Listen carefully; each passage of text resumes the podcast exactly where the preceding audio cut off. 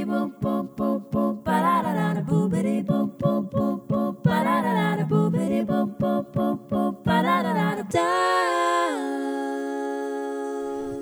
lytter til Filibuster, forskningspolitikks podkast om forsknings- og innovasjonspolitikk. Jeg er redaktør Per Kåk. Jeg har snakket med Morten Huse, professor i organisasjon og ledelse ved Handelshøyskolen BI. Huse har nylig gitt ut en bok kalt 'Resolving the Crisis in Research by Changing the Game', hvor han reflekterer over forskningens kultur og natur, og kommer med interessante forslag om hvordan man kan gjøre ting annerledes. Takk til BI, som lot oss bruke høyskolens studio. Nei, vi, vi, fikk jo utlevert uh, litt vann å drikke. Skal du, du, ha her noe å drikke underveis? Ja takk, det hadde vært for vanligvis Vanligvis så bruker jeg uh, å ta fram vinflasken, jeg. Ja.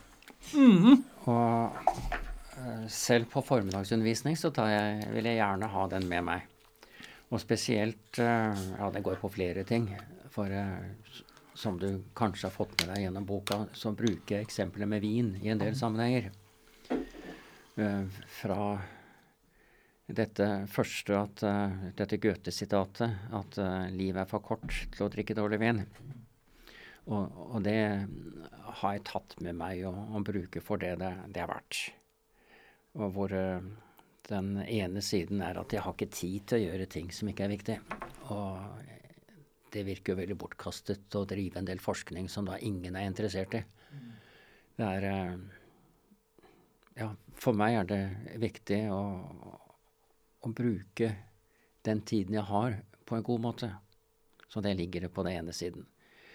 Uh, det andre er uh, at jeg uh, heller ikke har tid til å, å bruke min tid på, på, mennesker bare som tar energi.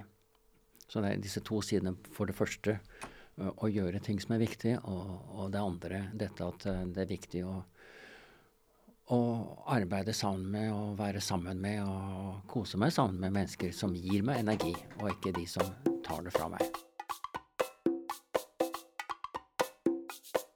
De vinene som jeg har opplevd som har gitt meg mest, er vin jeg drikker sammen med gode venner i en spesiell situasjon, en spesiell event som går og på en måte som appellerer til følelser og, og både mine følelser og den andres følelser og hele den settingen som er i det hele. Men nå antyder at vi raskt kan komme opp i en eh, ikke bare hundre, men mange hundre ulike ord og kombinasjoner av uh, vin når vi snakker om årganger og de mange hundre ulike druetyper og hvor de dyrkes og hvordan de dyrkes og alt dette her. Mens uh, det meste av ting på, på styrer eller corporate governance, det er utgangspunktet fem ord man bruker.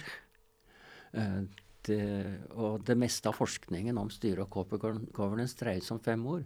Det ene er antall styremedlemmer. Det andre er eh, ja, det brukes litt ulike ord og litt ulike nyanser på det, men insider, outsider, om det er intern eller ekstern styremedlem. Og så da om styremedlemmene eier aksjer mens den avhengige variabelen er et eller annet begrep om bedriftens finansielle resultater. Så stort sett all forskning og tanker rundt dette her dreier seg om, om hvordan disse uavhengige variablene påvirker denne avhengige variabelen. Mens når jeg snakker om vin, så er det et sånt stort spekter om hvordan alle tingene påvirker hverandre, og det hele tiden går på ikke bare å beskrive, men da hvordan finne passende balanse til å utvikle virkelig den som gir noe. Så, og dette tar jeg med meg i, i mange sammenhenger. i Én uh, ting i undervisningen som er der, hvor jeg prøver da veldig fort å, å snakke til hjertene til studentene. Uh, jeg prøver å begynne å snakke til hjertene og trekke, være en del av det. Og la det gå fra hjertet til hode og hender. Uh, ikke det at det begynner med hodet, men går på hjertet, og at det er tanken med undervisningen er at dette er ting som skal være De skal ta med seg for resten av livet. Og jeg er ikke så veldig opptatt av at de skal kunne i detalj de forskjellige tingene vi tar i undervisningen, men det er mye viktigere at de husker noe, og at de begynner å brenne for noe som de tar med seg, og vil eh, huske at ok, jeg hadde den galne professoren på VE som eh, husket eh, navnet mitt, og vi snakket om eh, hode, hjerte og hender, og vi snakket om vin og alt dette her, og, eh, og han husket navnet mitt. Og når da de fleste av studentene mine er folk som kommer fra andre land, og at de blir kjent med hverandre og får lov til å leve dette spesielt, er dette litt av kjernen. Og da er jo også midt inne i denne humboldtske forskningstradisjonen som jeg skriver om i, i kapittel, kapittel 7, om, om hode, hjerte og hender, eh, som ligger der. Og, og da ta utgangspunkt i også hva som er, er viktig. Der i, i kapittelet i kapittel syv eh, om eh, min erfaring eller opplevelser fra dette universitetet i Tyskland. Jeg hadde fem år nå. Eh, forholdsvis nylig. Sånn late career-opplevelse på dette første private universitetet i Tyskland, som var bygget på først og fremst en antroposofisk tradisjon. Uh, knyttet til uh, Humboldt og Waldorf og Rudolf Steiner, som man, man, kanskje tenker, men hvor all undervisning i utgangspunktet skal skje i små grupper og i dialogsform, og appellerer til det hele mennesket, helheten i det hele. Og at ikke du har det klart skille mellom da det praktiske og, og det som du har i, i hjernen, men at det er en, en helhetlig tankegang, men også integrering av ulike disipliner. Uh, de uh, I studieplanene der for studentene så, så, var det ikke bare at de skulle ta businessfag. De som studerte business, måtte også ta noe på andre fakultet. For å, å se hvordan man gikk over fra det ene til det andre. Og det viktigste for dem Vel, selvfølgelig var det viktig å, å lære, men det var veldig viktig at de skulle være forberedt til å bli ansvarlige borgere i, i samfunnet ansvarlige businessledere i, for resten av livet. Det var det som var mye av, av bakgrunnen som lå der.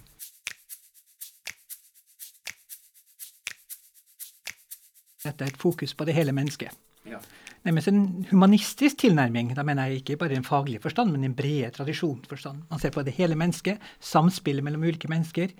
Og så på samme måte som vin har et uendelig antall nyanser, så har også menneskesjelene og møtet mellom to mennesker kan føre til en form for alkemi som forandrer verden.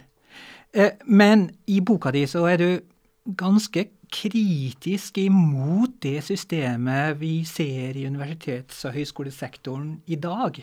Du har f.eks. en ganske klar analyse av hvordan tellekanter, publish or perish, hvordan denne formen for uh, organisering eller styring av sektoren dreier oss bort fra dette helhetlige mennesket. Kan du si noe om det? Jeg kom kommer fra en norsk tradisjon, har aldri bodd permanent i andre land. Men jeg eh, tok en opprinnelig forskningsutdanning i, i 70-årene på Norges handelshøyskole.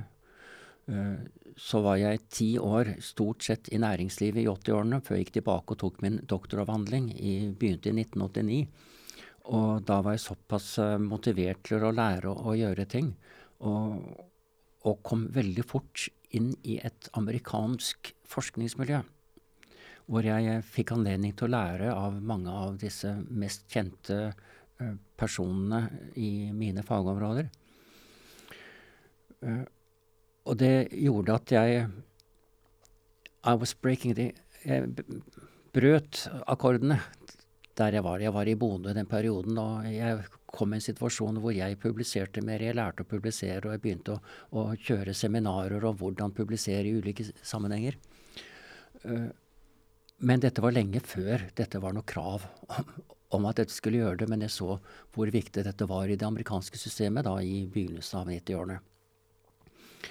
Uh, og jeg uh, kom inn på litt ulike forskningsmetoder i det jeg gjorde, og oppdaget at her var det ikke bare rett fram å publisere alle typer metoder, og jeg så litt av hvordan man arbeidet i USA sammenlignet med, med Norge. Jeg fikk anledning til å drive forskning som var, gikk over lang tid, Mens i USA opplevde jeg dette som ble kalt som hammer- og lampesyndromet. Hammersyndromet, eller vi begynner med lampesyndromet. Lampesyndromet uh, går på at du, vi forsker på det som ligger under lampen. Ikke nødvendigvis der problemet er, men forsker der vi har tilgang til data. Hammer er med utgangspunkt i verktøy eller redskapet, altså at vi forsker med de verktøyene vi har. Og grunnen til hammer- og lampesyndromet var, eh, med den amerikanske bakgrunnen, var eh, behovet for å kunne publisere med sikkerhet et stort antall artikler på kort tid. Eh, mens Eh, for de hadde det presset på seg. En ting, De hadde ikke ressurser, de hadde ikke tilsvarende forskningsressurser som vi hadde i Norge, selv om det høres litt rart ut. Så har vi hatt bedre ressurser, og vi kunne arbeide over lengre tid og arbeide med ting med, på mange og alternative måter i, i, Norge. Men der var det da full fart hammer- og lampesyndromet, for de hadde dette publiseringspresset på seg. De, hvis de ikke publiserte, så hadde de ikke noe særlig karriere. Det ble vurdert på Ja, det var publish or perish. Popkulturen som kanskje ikke kom så veldig sterkt inn, men den var lov helt klart der at de, de måtte publisere. Og øh, dette fikk jeg anledning til å tenke over og reflektere over, så jeg, jeg gikk tilbake og så at de første gang jeg skrev artikler hvor jeg skrev om denne popkulturen, var allerede i 1996. Så hadde jeg artikler om denne popkulturen og dette fortsatte også venner. Og det innebar at man ikke tok tak i de riktige problemene. Man forsket på det man kunne få publisert på en, på en, enkel måte. Man turte ikke ta tak i de å bruke metoder som du kanskje var avhengig av for å komme inn i problem, de viktige problemstillingene. Jeg uh, jeg forsket bl.a. på styrer. Det er bestandig mye styrer jeg jobbet med. Men det er ikke bare antall styremedlemmer, eller da insider, outsider, eller jo, det var om daglig leder, også er styreleder. Eh, det var ikke det som var det viktigste, men hvordan ting fungerte i praksis. Det som skjedde under styremøtene, i prosessene eller mellom styremøtene. Jeg havnet etter hvert i et eh, prosjekt hvor jeg fikk anledning til å følge tre styrer på en gang. Eh, direkte fra innsiden. Det var laget som et forskningsprosjekt, men hvordan skulle jeg skrive om dette her? Det var enormt krevende, men det gikk over flere år hvor jeg, jeg faktisk var styreleder i tre bedrifter på en gang. Uh, og på den måten fikk jeg med meg alle observasjonene. Jeg gikk rundt med notisboka i lomma og skrev ned alle mine følelser, alt jeg så, alt jeg gjorde. Prøvde å følge uh, etnografiske metoder så godt som mulig. Men dette var jo i kjernen av problemstillingene. Men hvordan skulle dette passe inn i det systemet? Og da begynte jeg å skrive om, uh, om akkurat uh, mer om dette lampe- og, og hammersituasjonen uh, og publish og perish-kulturen som da har utviklet seg videre. Så parallellen mellom et uh sammensetningen av et styre. Det er en bedrift eller i et institusjon som det vi er i nå. Og sammensetningen av det faglige fellesskapet i et universitet eller en forskningsmiljø. Er det parallelle her? Er det slike ting som du bl.a. har vært inne på når du ser på styresammensetning? Behovet for mangfold? Kjønnsrepresentasjon, f.eks., har du sett på? Ser du det samme også i akademia? Er det det som fører deg frem til budskapet om å vektlegge tverrfaglig forskning og forskning på tvers av tradisjoner og institusjoner? Nei, ikke direkte. Nå har jeg vært ute og vet ikke om noen vil si at jeg har slengt med leppa, eller hva jeg har gjort, om også styrer akademia og hvordan akademia ledes. Men eh, eh det som eh, er viktig her, er at det er ikke ett svar som, som er der. Vi må, må se det mye videre. Vi må se det situasjonsbestemte og det helhetlige som ligger bak der. Og i akademia, det som jeg har vært eh, litt kritisk til i akademia, er at eh, vi har fått en eh, nyliberal kultur som har kommet inn. Som har tatt i bruk alle disse key performance-indikatorene eller disse målekriteriene som, vi får fra New Public Management selv. Vi, har fått denne behovet for, eller målekulturen som ligger der, så tar man det man kan måle. På samme måten som med, med disse artiklene og, og publiseringen. Man tok det man kunne måle. Universitetene tar tak i det som skal måles, og vi er plutselig kommet langt vekk fra kjernen. Hvor uh, i et universitet så burde i utgangspunktet være uh, standardisering av kunnskap som er uh, kjernen i en et akademisk institusjon. Ikke at det er hierarkiet som er det grunnleggende, eller da output som er det sentrale. Men uh, den type organisasjoner som vi er i, er, er mer at vi alle har en kunnskap som gjør at vi er selvmotiverende. Og, og vet hvordan vi skal arbeide på ulike måter. Og der har vi fått en, en helt annen målekultur som har kommet inn uh, hos oss. Her tror jeg noen som kommer til å lese boka di og spørre. På den ene sida legger du vekt på utviklingen av en kunnskapskultur på BI, eller et hvilket som helst universitet eller en høyskole.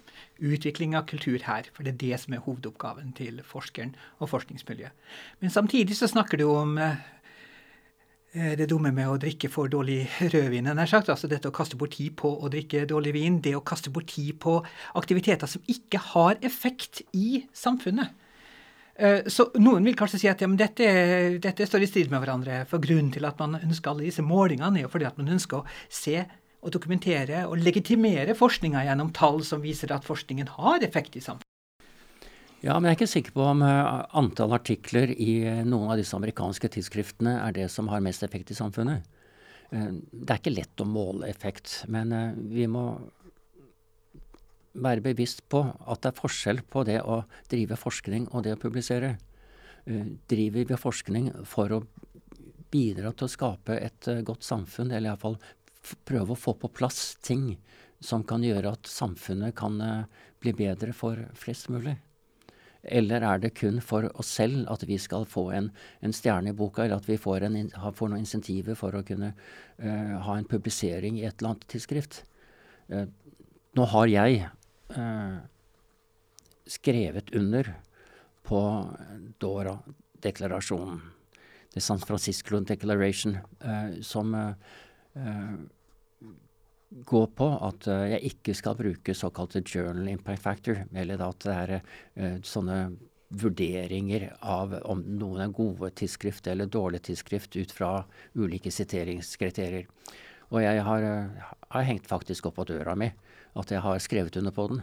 Og, og da forplikter jeg meg også å ta det opp i flest mulig sammenhenger at dette er farlig, dette må man prøve å unngå. Uh, for man da glemmer man hva er det som er det viktige. Disse journal impact factor de kan være veldig misvisende, og vi føres inn i å drive forskning og arbeide med ting som da uh, Ja, vi blir teknikere mer enn at vi gjør ting som er viktig for, for samfunnet og, og for, for hverandre. En, eh, en, annen ting jeg har, har vært med å, å, å støtte, endorse, uh, det er også en underskrift, uh, det er noe som kalles her RRBM. Uh, Responsible Research in Business and Management. Det er jo litt tilsvarende denne Responsible Research Innovation og litt tilsvarende ting. At der vil jeg være med og, og bidra til at den forskningen vi gjør, er er viktig. At den bidrar til å gjøre noe positivt. At det, det har et forhold til de som skal anvende den. RIBM er forholdsvis tøffe på at den skal uh, arbeide tett med interessenter og stakeholders i, i forskningen. Og dette har uh, vi ikke uh, vært flinke nok til i Vel, vi kan gå på mange typer mange disipliner og mye retninger. Jeg er først og fremst professor på, på Handelshøyskolen BI, altså Business School, uh, og management som er, er, det sentrale. Men dette er jo temaer som da kommer opp i, i mange andre sammenhenger også. Men uh, vi ser jo at uh, det er liten tiltro til forskning fra businessskoler hos næringslivet. De bruker oss forholdsvis lite. Og dette er noe av det som vi må bidra til at vi gjør forskning som er viktig, og som oppleves som viktig.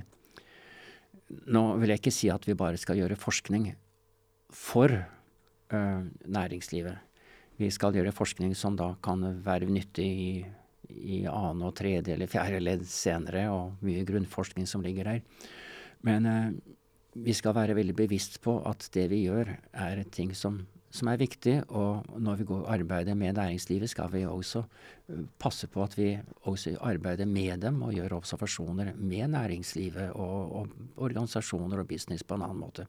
Så det er blant de tingene som jeg skriver en del om også i, i kapittel åtte i, i, boka, om dette med å, å, gjøre forskningen ikke bare for, men også med de som står midt oppi det.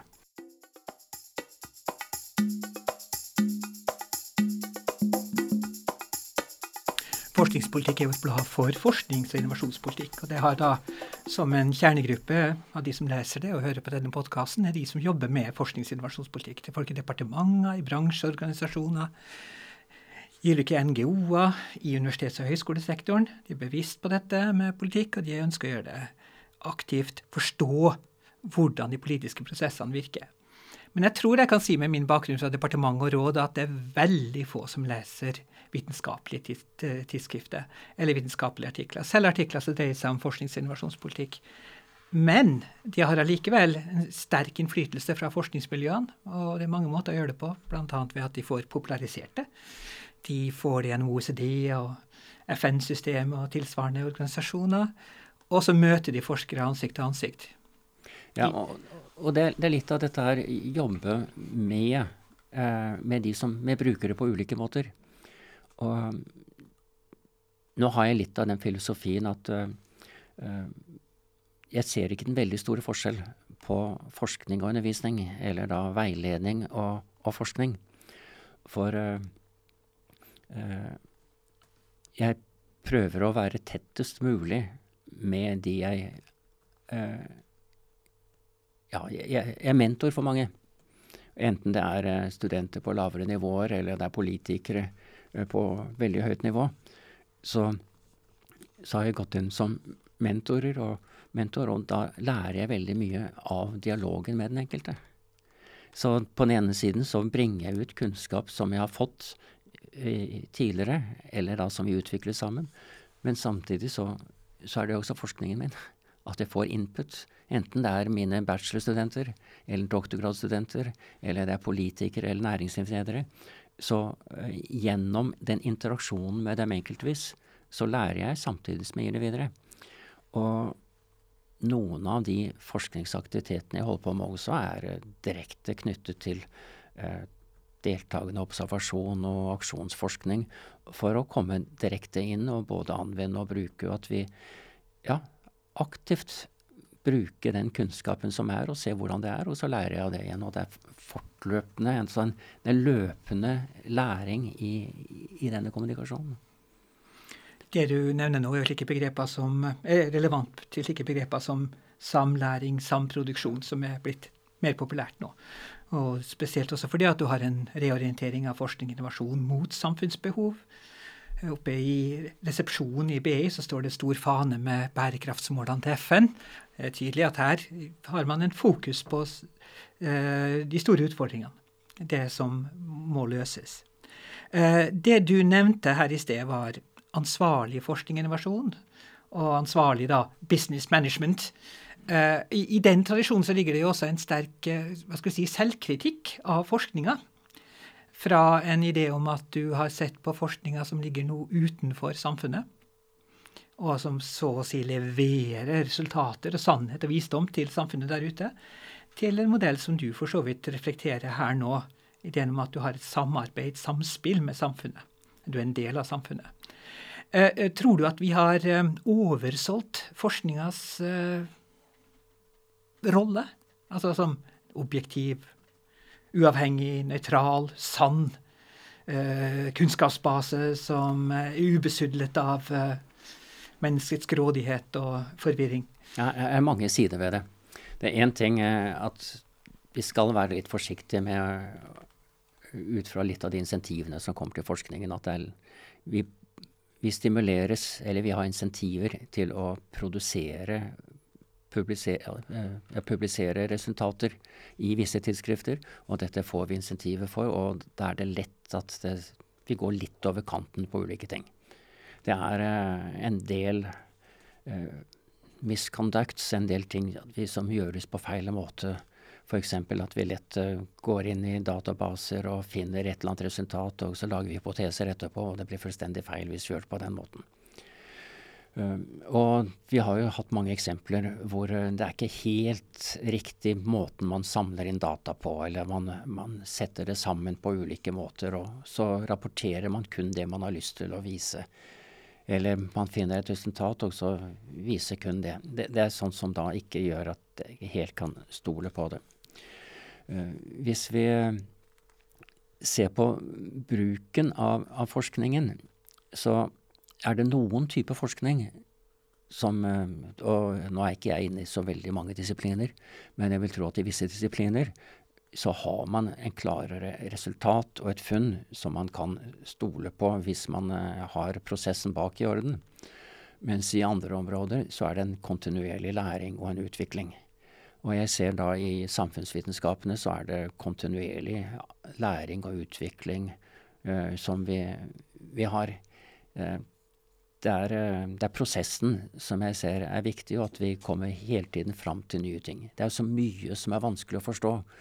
Mye som er eh, om eh, samarbeid, interaksjoner og sånt, og det er så mange ulike elementer i det som vi hele tiden har behov for å gå dypere inn i. Så forskningen på slike områder er, er, hele tiden det å forstå prosesser som da fører fram til stadig nyere og, og viktigere ting. og og, og, da i forskningen så er det da ikke bare at man går ut og, og, finner fram og samler inn data på ulike måter, men at man også har tid til å reflektere og se sammenhenger, finne ut hva er det som da er funnet av forskjellige i ulike sammenhenger. Altså disse koblingene som er der. Og, og dette er ikke nødvendigvis ting som da er at du et enkelt en publisering et enkelt resultat, men da en opparbeiding av ulike resultater, enten det er fra en, i en forskergruppe, eller at det er uh, over lengre tid at man plutselig oppdager der er den og den sammenhengen som vi ikke har tenkt på før, eller at det har gjort såpass mange ting innen visse områder, sånn som jeg har jobbet på styrer, at da da disse tingene jeg observerer underveis, eller da som jeg går rundt med i hodet, plutselig finner jeg at ok, hvorfor har jeg ikke tenkt på det før? Eller da ikke bare at det er jeg som gjør det, men noen av de jeg jobber sammen med. Jeg, jeg, nevnte at jeg, jeg, er mentor for mange, og mange er doktorander, og vi kommer sammen i ulike sammenhenger. Sånn som jeg skriver f.eks. om i en del av seminarene, inklusive Norefjell-seminaret, hvor vi kommer sammen og, og, diskuterer og deler med hverandre. Og, og mange jobber omtrent med de samme områdene. Men ved at vi diskuterer og ser nye opplever hverandres eh, engasjement og funn, så finner vi så mange nye ting i tillegg. Så det er dette ikke, ikke bare denne discovery-saken, eller det å oppdage eksternt med å samle inn data, men det å prøve å integrere de forskjellige tingene som er der. Og det er det som ofte gir de, de store og viktigste resultatene, at vi klarer å integrere de ulike tingene. Det er dette som kalles pro programmatisk forskning tenkte å følge opp der når det gjelder samspillet mellom det du nå snakker om, og det som skjer i undervisninga. Eh, det er jo mye snakk om at vi trenger en ny form for kompetanse. Man snakker om å lære å lære, fordi at du har en eh, teknologisk, kulturell og politisk utvikling som er så rask at det du har lært når det kommer ut fra BI, ikke nødvendigvis har så forferdelig lang levetid. En viss levetid har den rene fagkunnskapen, men ikke så forferdelig lang levetid. Så du har et fokus på et behov for kompetanse, for transformasjon, omstilling, nyskaping. Og for så vidt covid-19 er vel et ekstremt eksempel på behovet for å kunne ha en god grunn å stå på når du skal møte det som du egentlig ikke hadde ønska å møte. Eh, I ditt samspill med studentene, jobber dere med dette? Altså, du har nå fortalt hvordan du, bruker, hvordan du lærer i forskninga ved å koble på tvers av personer, disipliner, fagfelt, bransjer. Men gjør du det samme også vis-à-vis studentene? Er dette, er det, tar du grep for å hjelpe dem til å bygge opp denne formen for læringskompetanse, da, om du kan bruke det ordet? Ja, jeg er veldig bevisst på det. Og dette er litt av disse tingene fra denne antroposofiske humboldtske tradisjonen som ligger bak der, er at uh, jeg prøver å lære dem ting som de skal ta med seg resten av livet. Og dette er da hvordan de er sammen med andre mennesker og forholder seg til samfunnet, som er ganske grunnleggende. Å vite at uh, vel, de lærer noe nå, men det viktigste er hvordan de skal fortsette denne læringen videre. At de skal huske på både denne situasjonen, i dette tilfellet her på BI, eller i Norge, hvordan de har vært her nå. Eh, og at de skal huske på det vi hadde som kjernen i undervisningen, og at de blir motivert engasjert i å tenke på de tingene som, som er der. Det er mulig at jeg nå øh, kan øh, er litt, har vært heldig og hatt et tema som stimulerer mye til det. Men eh, det er helt klart at her er startpunkt, dette er startpunktet for deres videre læring.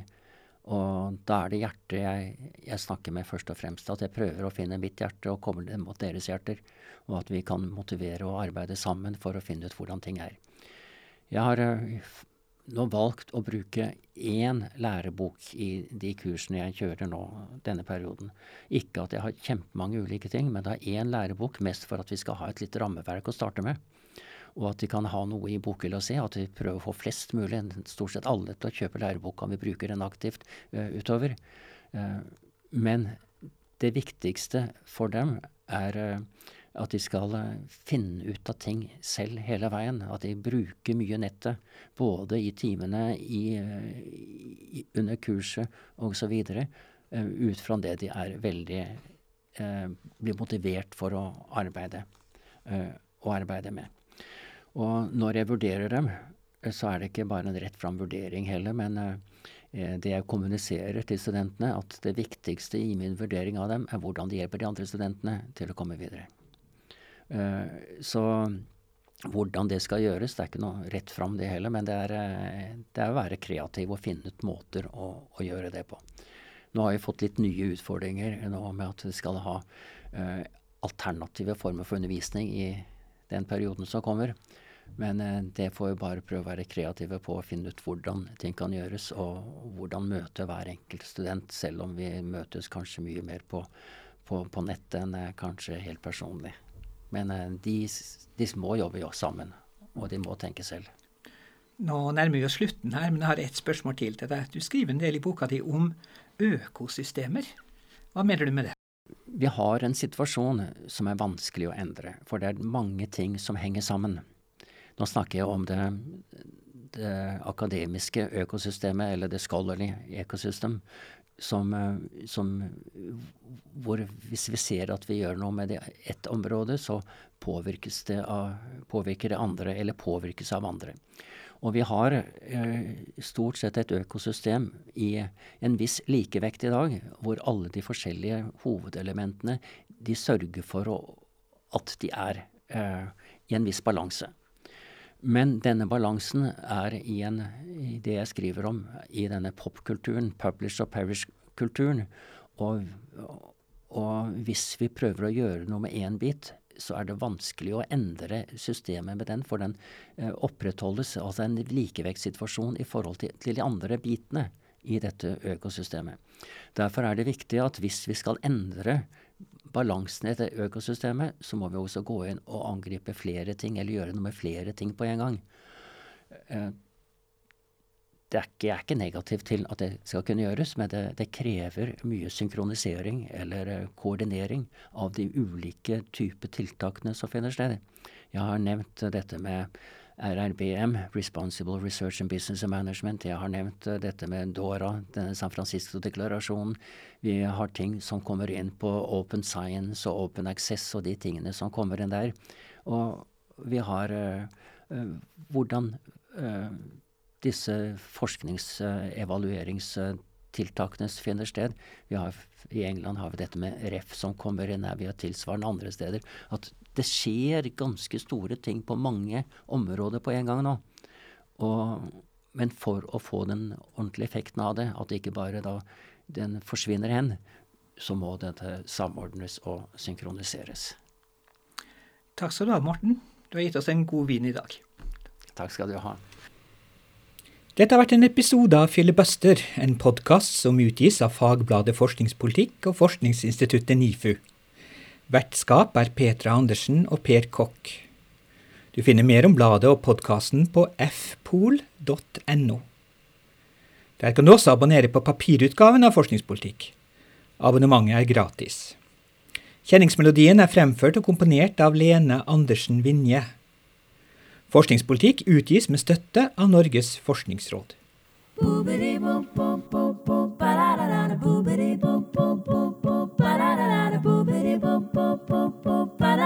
Da